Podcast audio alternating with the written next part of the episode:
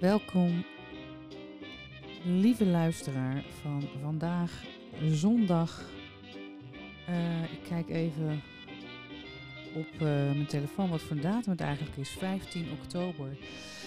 En ik weet niet hoe het jullie vergaat, maar ik ben de afgelopen week um, eindeloos bezig geweest om um, ja, chocola te maken van wat er gebeurt uh, om ons heen.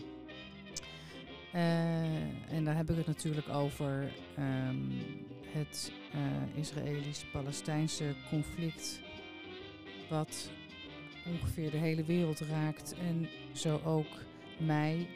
En ik wilde heel graag deze uitzending dan ook, um, ja, eigenlijk een korte uitzending maken met daarin een onderzoek naar wat nou in godsnaam wijsheid is.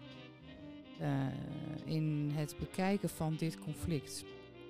En je voelt hem al hoe lastig het is, want ik weet niet welke gesprekken jij hebt gevoerd de afgelopen week.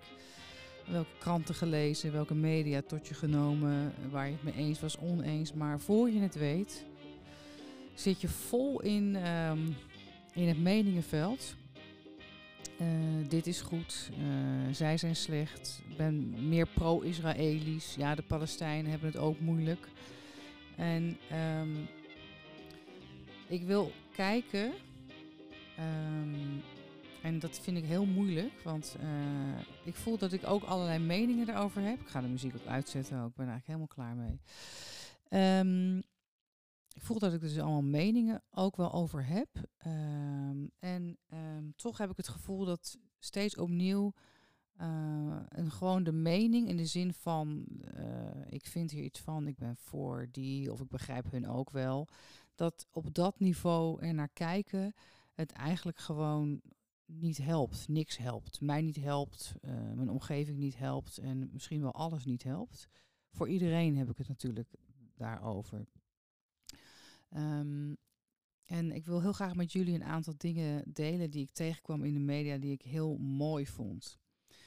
Um, dus ik ga het niet hebben over de vreselijke pijn van de Israëlische families die, uh, ja, uh, die zij lijden omdat hun geliefde dood zijn, vermoord vorige week zaterdag.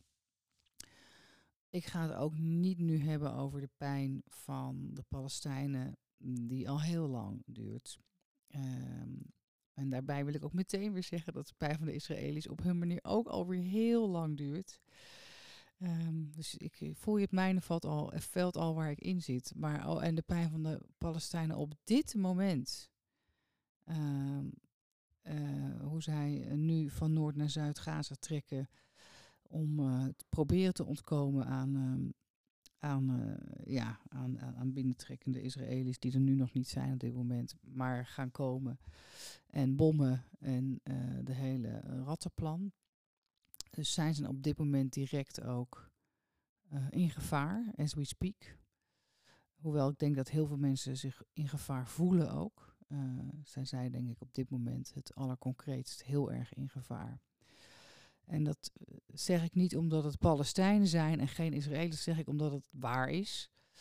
Um, en um, omdat, uh, en weer hier voel ik ook uh, dat ik helemaal geen zin heb om alleen maar een kant te kiezen. Dat doe ik ook niet. Ik wil juist kijken naar, kan je, kan je een poging wagen? Kan ik een poging wagen met behulp van een aantal hele wijze mensen die ik uh, heb gesproken en waar, uh, waarvan ik dingen heb gelezen om, uh, ja, om duurzaam en ja, ik, om, om, om, om hiernaar te kijken echt vanuit mijn hart. Um, en vanuit het ook het, de, de, de grotere beweging, het grotere systeem van waaruit dit gebeurt, van waaruit Israël is geworden wat het is, van waaruit de Palestijnen zijn beland waar ze zijn. En misschien kan, kan dat helemaal niet. Misschien zijn nu al mensen boos en zeggen: Ik weet niet wat jij denkt, maar uh, die Palestijnen zitten gewoon vanaf 48 in bezet en zijn weggejaagd uit hun huizen. En dat is waar, weet je, dat, is, dat erken ik. En, um, en de Israëli's, weet je, zijn een voortgejaagd volk die ook recht hebben op een plek op aarde. En er is nou eenmaal ook echt een dreiging vanuit het Midden-Oosten voor hun veiligheid. En die hebben ook, nou, weet je, en zo. En dan komen we weer in dat, in dat stuk terecht. En dat is ook allemaal waar.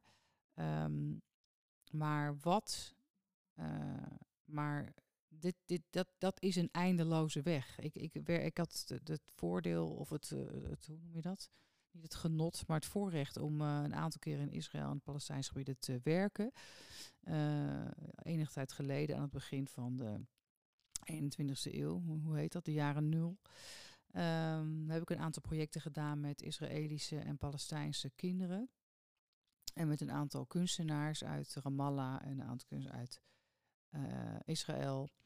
En in dat eerste project, wat mijn grootste project was, uh, heb ik samen met Palestijnse kinderen en Israëlische kinderen, Israëlische kinderen die een Arabische achtergrond hebben en een Joodse achtergrond, een, um, een, uh, een voorstelling gemaakt.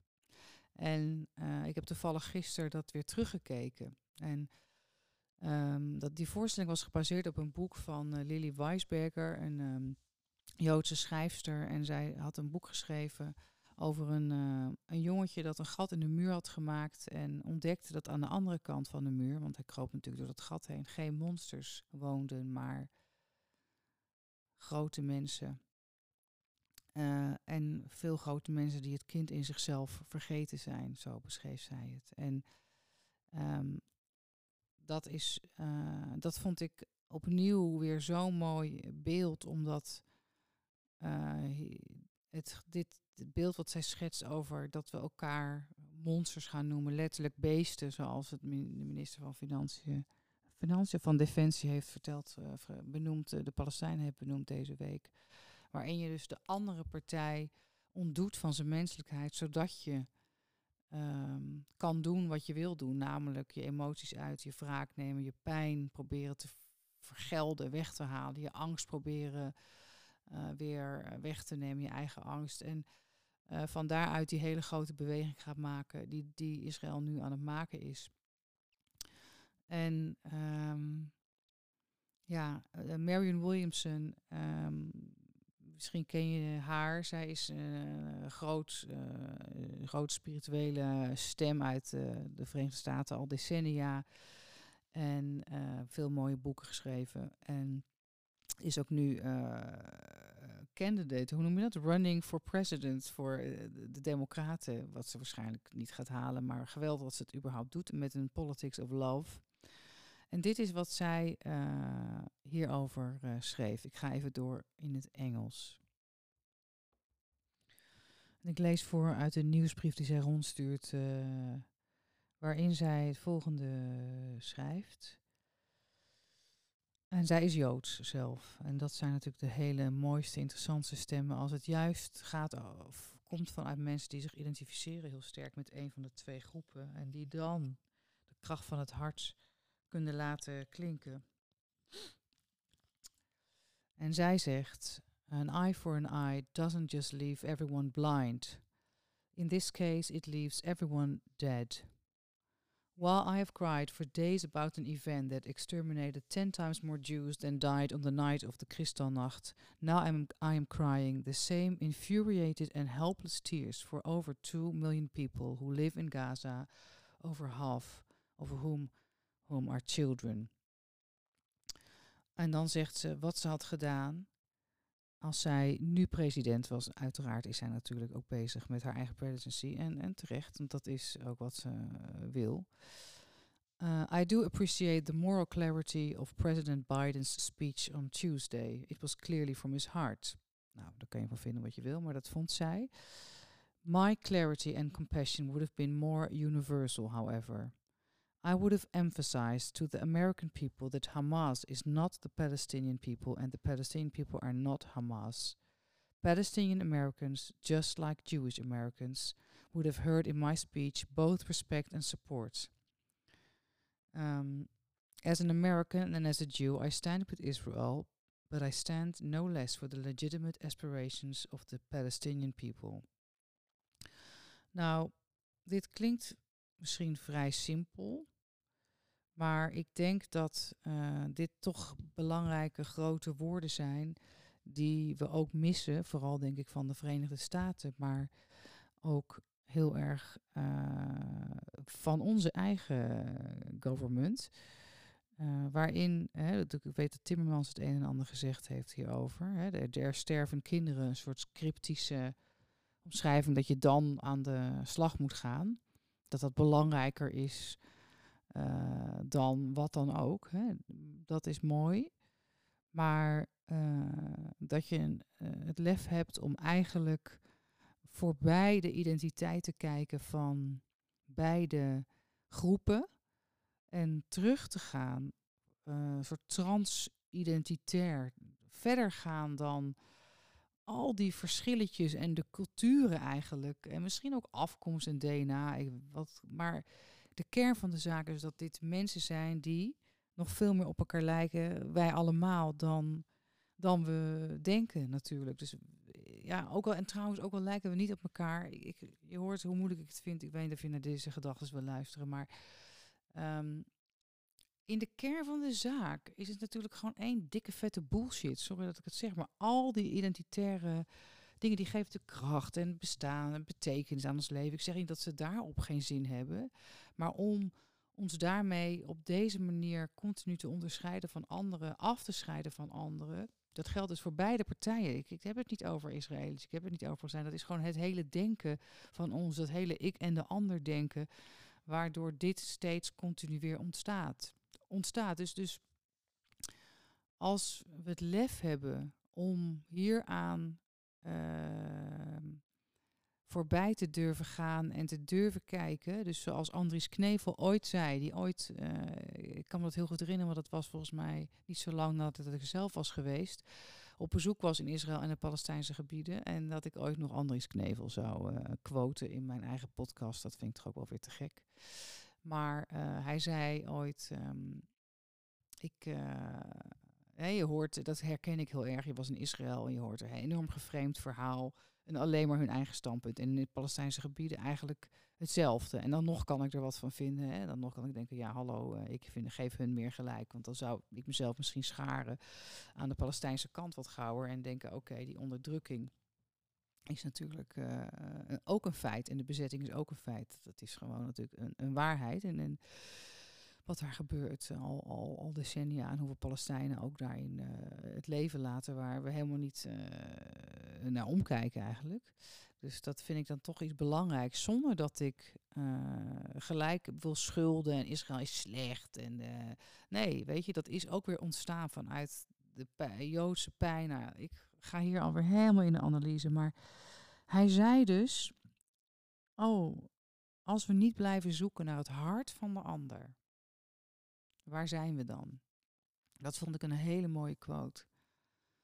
Uh, niet alleen maar naar je eigen hart, naar het hart van de ander. Als je iemand een beest noemt, zoals de minister van Defensie schreef nu, dan is dat volstrekt weg en verloren.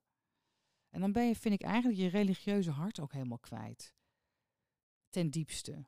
Want ten diepste moet, moet dat de kern zijn van, van je geloof. Een van de kernen is het, het, het, het steeds op zoek naar je eigen barmhartigheid zoeken.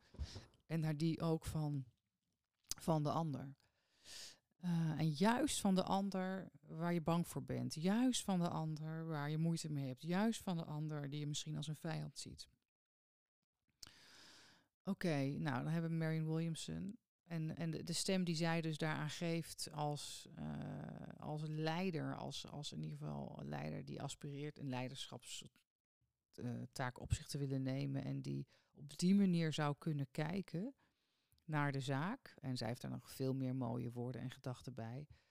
Uh, wat, een, wat waanzinnig. Wat waanzinnig, want wat er natuurlijk nu gebeurt, dat Amerika eigenlijk gaat staan naast Israël terwijl zij gaan inveden. Dat, uh, dat gaat natuurlijk zoveel ellende in de wereld creëren. Uh, dat ik gewoon niet begrijp dat ik met het praten over het hart naïef word genoemd. En dat um, dit soort mensen die dit soort oorlogen starten, hè, en deze bewegingen maken, dat dat dan niet naïef is. Dit lijkt me namelijk heel naïef. Als je denkt dat je hiermee kan vergelden, een oplossing kan forceren, weet ik veel. wat, wat, denk, wat denk je nou? Ja, ik, ik kan het gewoon niet volgen. En ik heb ook helemaal geen zin meer om de plek in te nemen van naïef, uh, liefde en vrede. En ik heb het helemaal niet over liefde en vrede. Ik heb het helemaal niet over naïef van iedereen moet nu gewoon lief zijn naar elkaar. Want dat kan helemaal niet. En daarom is iets anders ook heel belangrijk. Wat een andere geweldige vrouw zei gisteren op het uh, acht uur journaal. En dat was uh, een Palestijnse vrouw die inmiddels in Nederland woont. Ergens, ze zat volgens mij op een appartement in Utrecht of weet ik waar. En uh, ze zat maar achter de computer te kijken en elke dag te volgen. Omdat haar moeder en haar familie en de broers en de kleinzoons en zo... die allemaal op karren en in auto's naar het zuiden aan het trekken zijn. En de oude moedertje die, die uit haar huis moet. En, en, en zij zei... Oh mijn god, ze zijn een heleboel mooie dingen. Maar het belangrijkste wat ze zei van... Uh, elkaars pijn erkennen elkaars pijn erkennen. Dit komt dan gewoon van iemand. Ik bedoel, het is niet iemand die een. Uh, en er zit natuurlijk zoveel wijsheid in. Mensen die helemaal de media nooit halen. Zij haalt het omdat ze Palestijn is, uh, is in Nederland. Um, elkaars pijn erkennen. Dat, waarom, dat is wat er moet gebeuren. En er zijn een aantal andere mooie dingen die ik niet meer gelijk nu kan verwoorden. Maar dat, dat, dat raakte me heel erg. Want dat is ook wat er moet gebeuren. Je kan niet zomaar. Wil iedereen die wel eens ruzie heeft gehad of onrecht gevoeld heeft.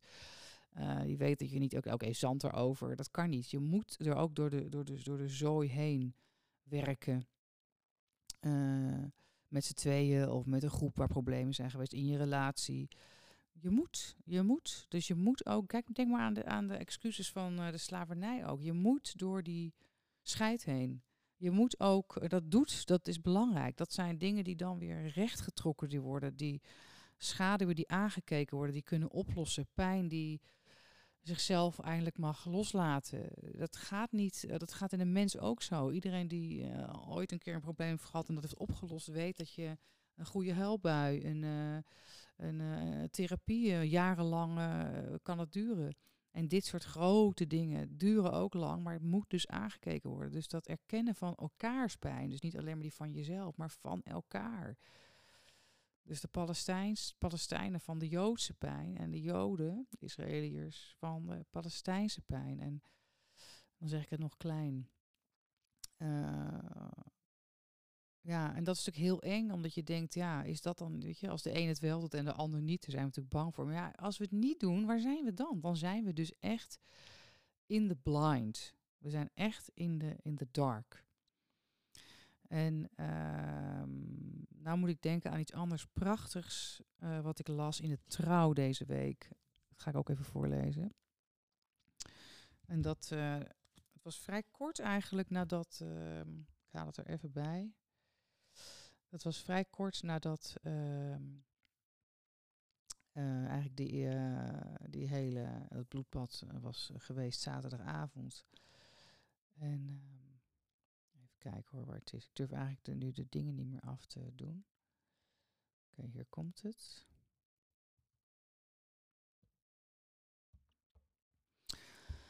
Chantal Suisse-Run, ook Joods. Zij is, um, ik moet het even goed zeggen, zij is een heel interessante vrouw, vind ik. Zij is voorzitter, co-voorzitter van het Joods-Islamitische netwerk Yalla. En ze is actief in allerlei interreligieuze dialooggroepen in Amsterdam. En um, wat zij eigenlijk zegt over dat naïviteitsverhaal.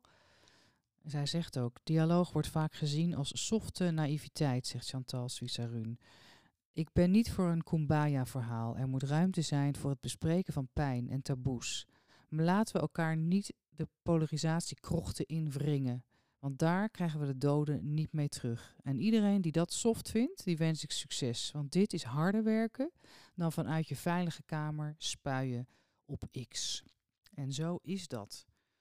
Um, ik hoef hier niks aan toe te voegen. Dat wat betreft naïviteit. Hoe, hoe moeilijk is het worstelen? Zeker voor mensen die ook nog gelieerd zijn aan de Palestijnen of, of zelf Jood zijn. Dus echt ook nog zich verwant voelen, verbonden voelen of het zelf zijn, uh, either Palestijns of Joods, om echt te blijven kijken naar mensen. Eerst mens en dan de identiteit. Eerst het mens zijn en te kijken of je. Uh, niet zozeer om het goed te keuren, hè, want dat was ook zo'n ding. Dat vond ik ook zo irritant. Ja, natuurlijk wil je niet zeggen, ja, het is heel erg, maar ja, ze zitten wel al jaren vast. Nee, um, het is heel erg wat, ze, wat Hamas heeft gedaan, volstrekt.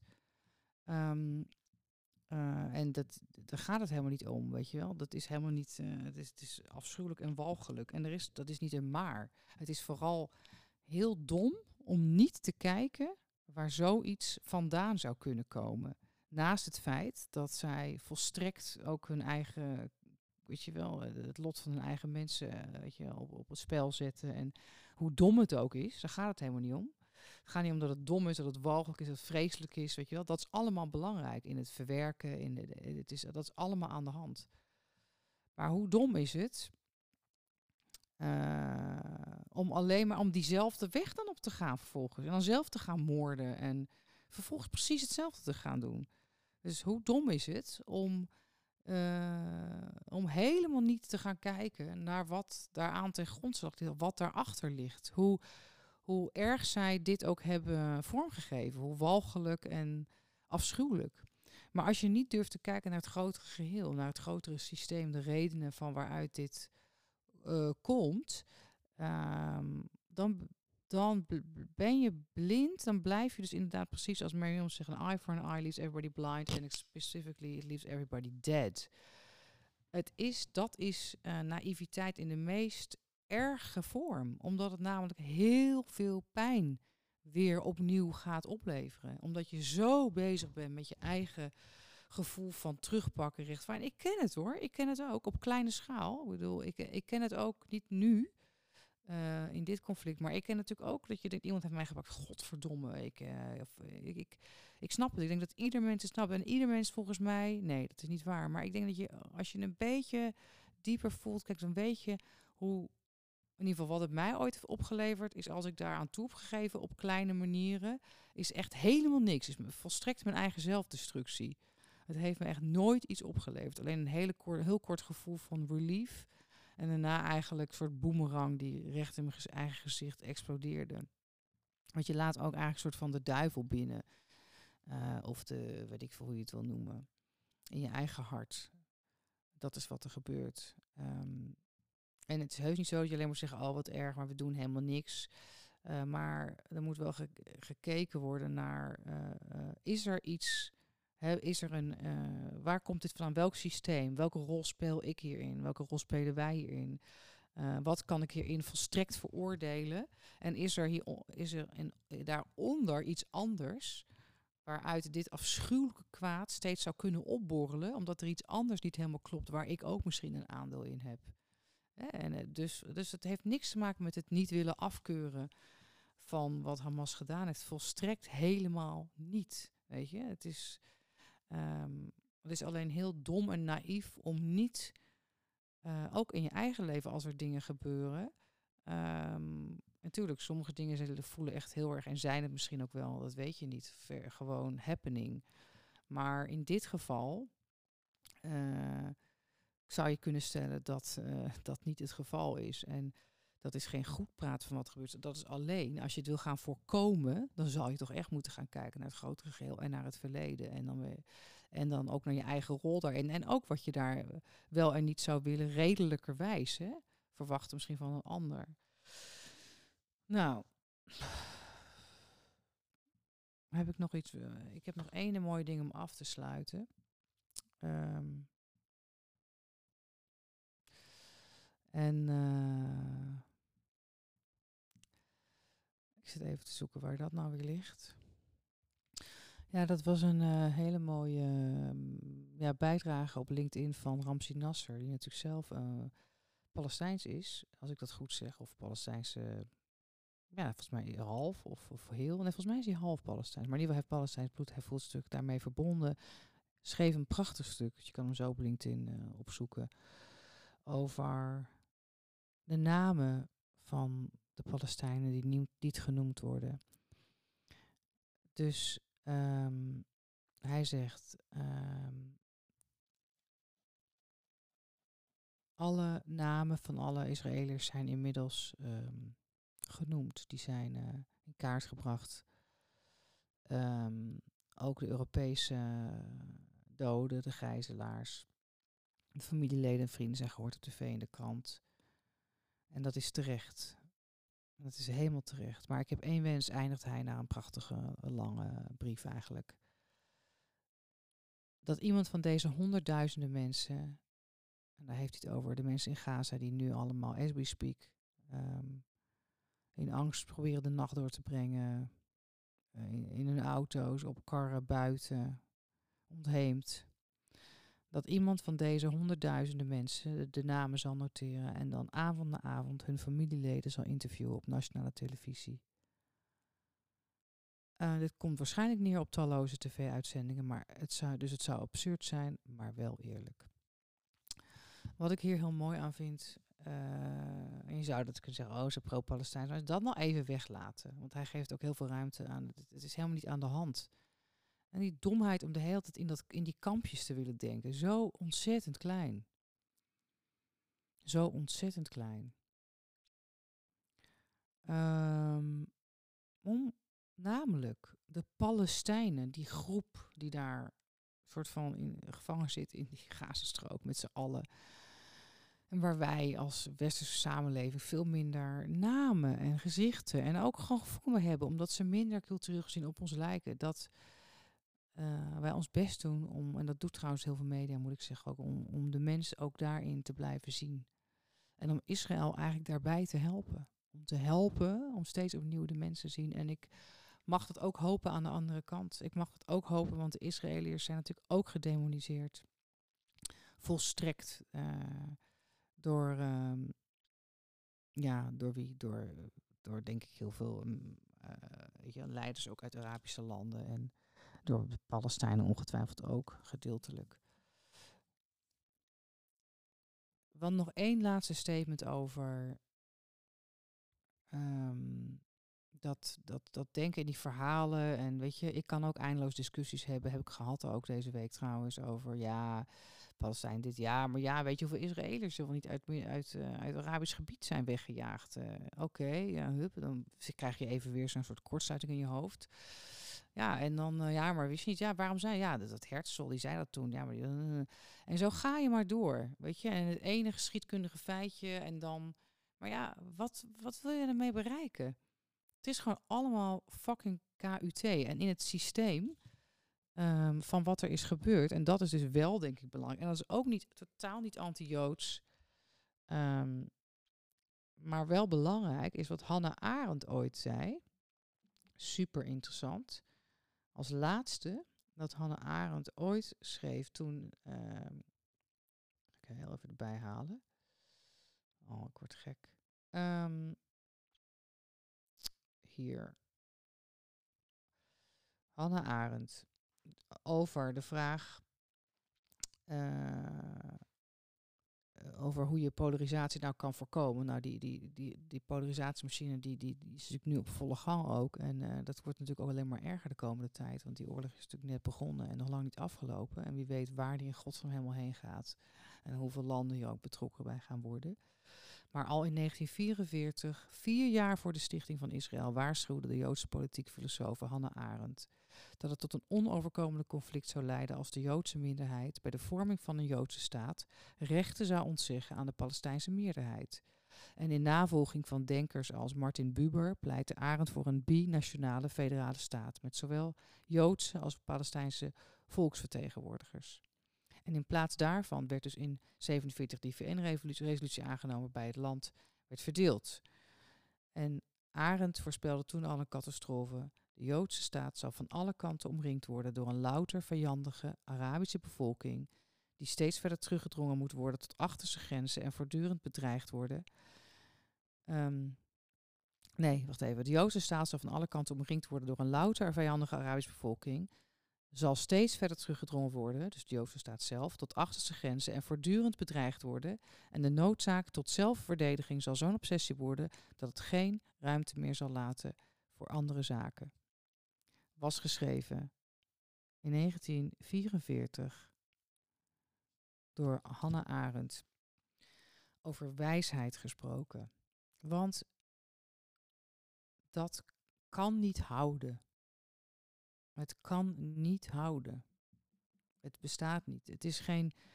Het is een wetmatigheid dat het niet kan houden. En uh, dat betekent dat het dus continu conflictgevoelig is. Dus zeg maar, zij zitten in een relatie en, uh, en nooit echt de, de issues resolven. Dus altijd is er eentje die continu dominant is en de ander die moet zich maar voegen. En op een gegeven moment gaat dat fout.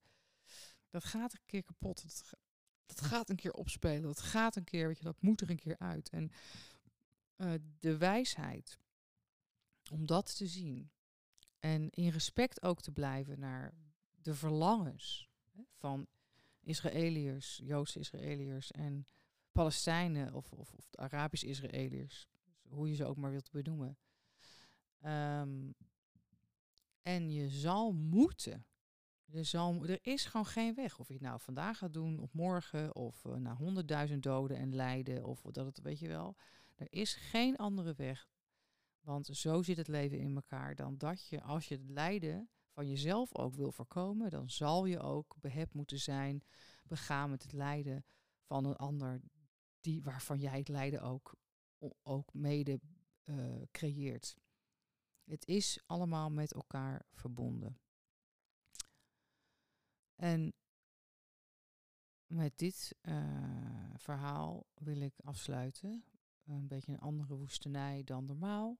Um, maar ik hoop Um, ja, ik hoop dat we met ons hart blijven kijken en dat we blijven zien dat de waarheid heel belangrijk is, maar zonder liefde eigenlijk ondraaglijk. En dat is een quote van, um, weet ik even niet meer, een geweldige Amerikaanse priester. Ik zal het in de show notes zetten. Um, because the truth is vital, but without love it is unbearable. En dat is de essentie van het hele verhaal. We kunnen ons niet permitteren om alleen maar in ons gelijk te leven. Uh, want als we het doen, dan voelen we ons even heel goed en een beetje sterk. Maar we zijn heel kwetsbaar. Want uh, we don't live with our hearts. And we don't work with our hearts. En iedereen die dat doorheeft, is niet naïef maar die is juist heel erg wijs. Ik wens jullie een hele wijze en liefdevolle week toe.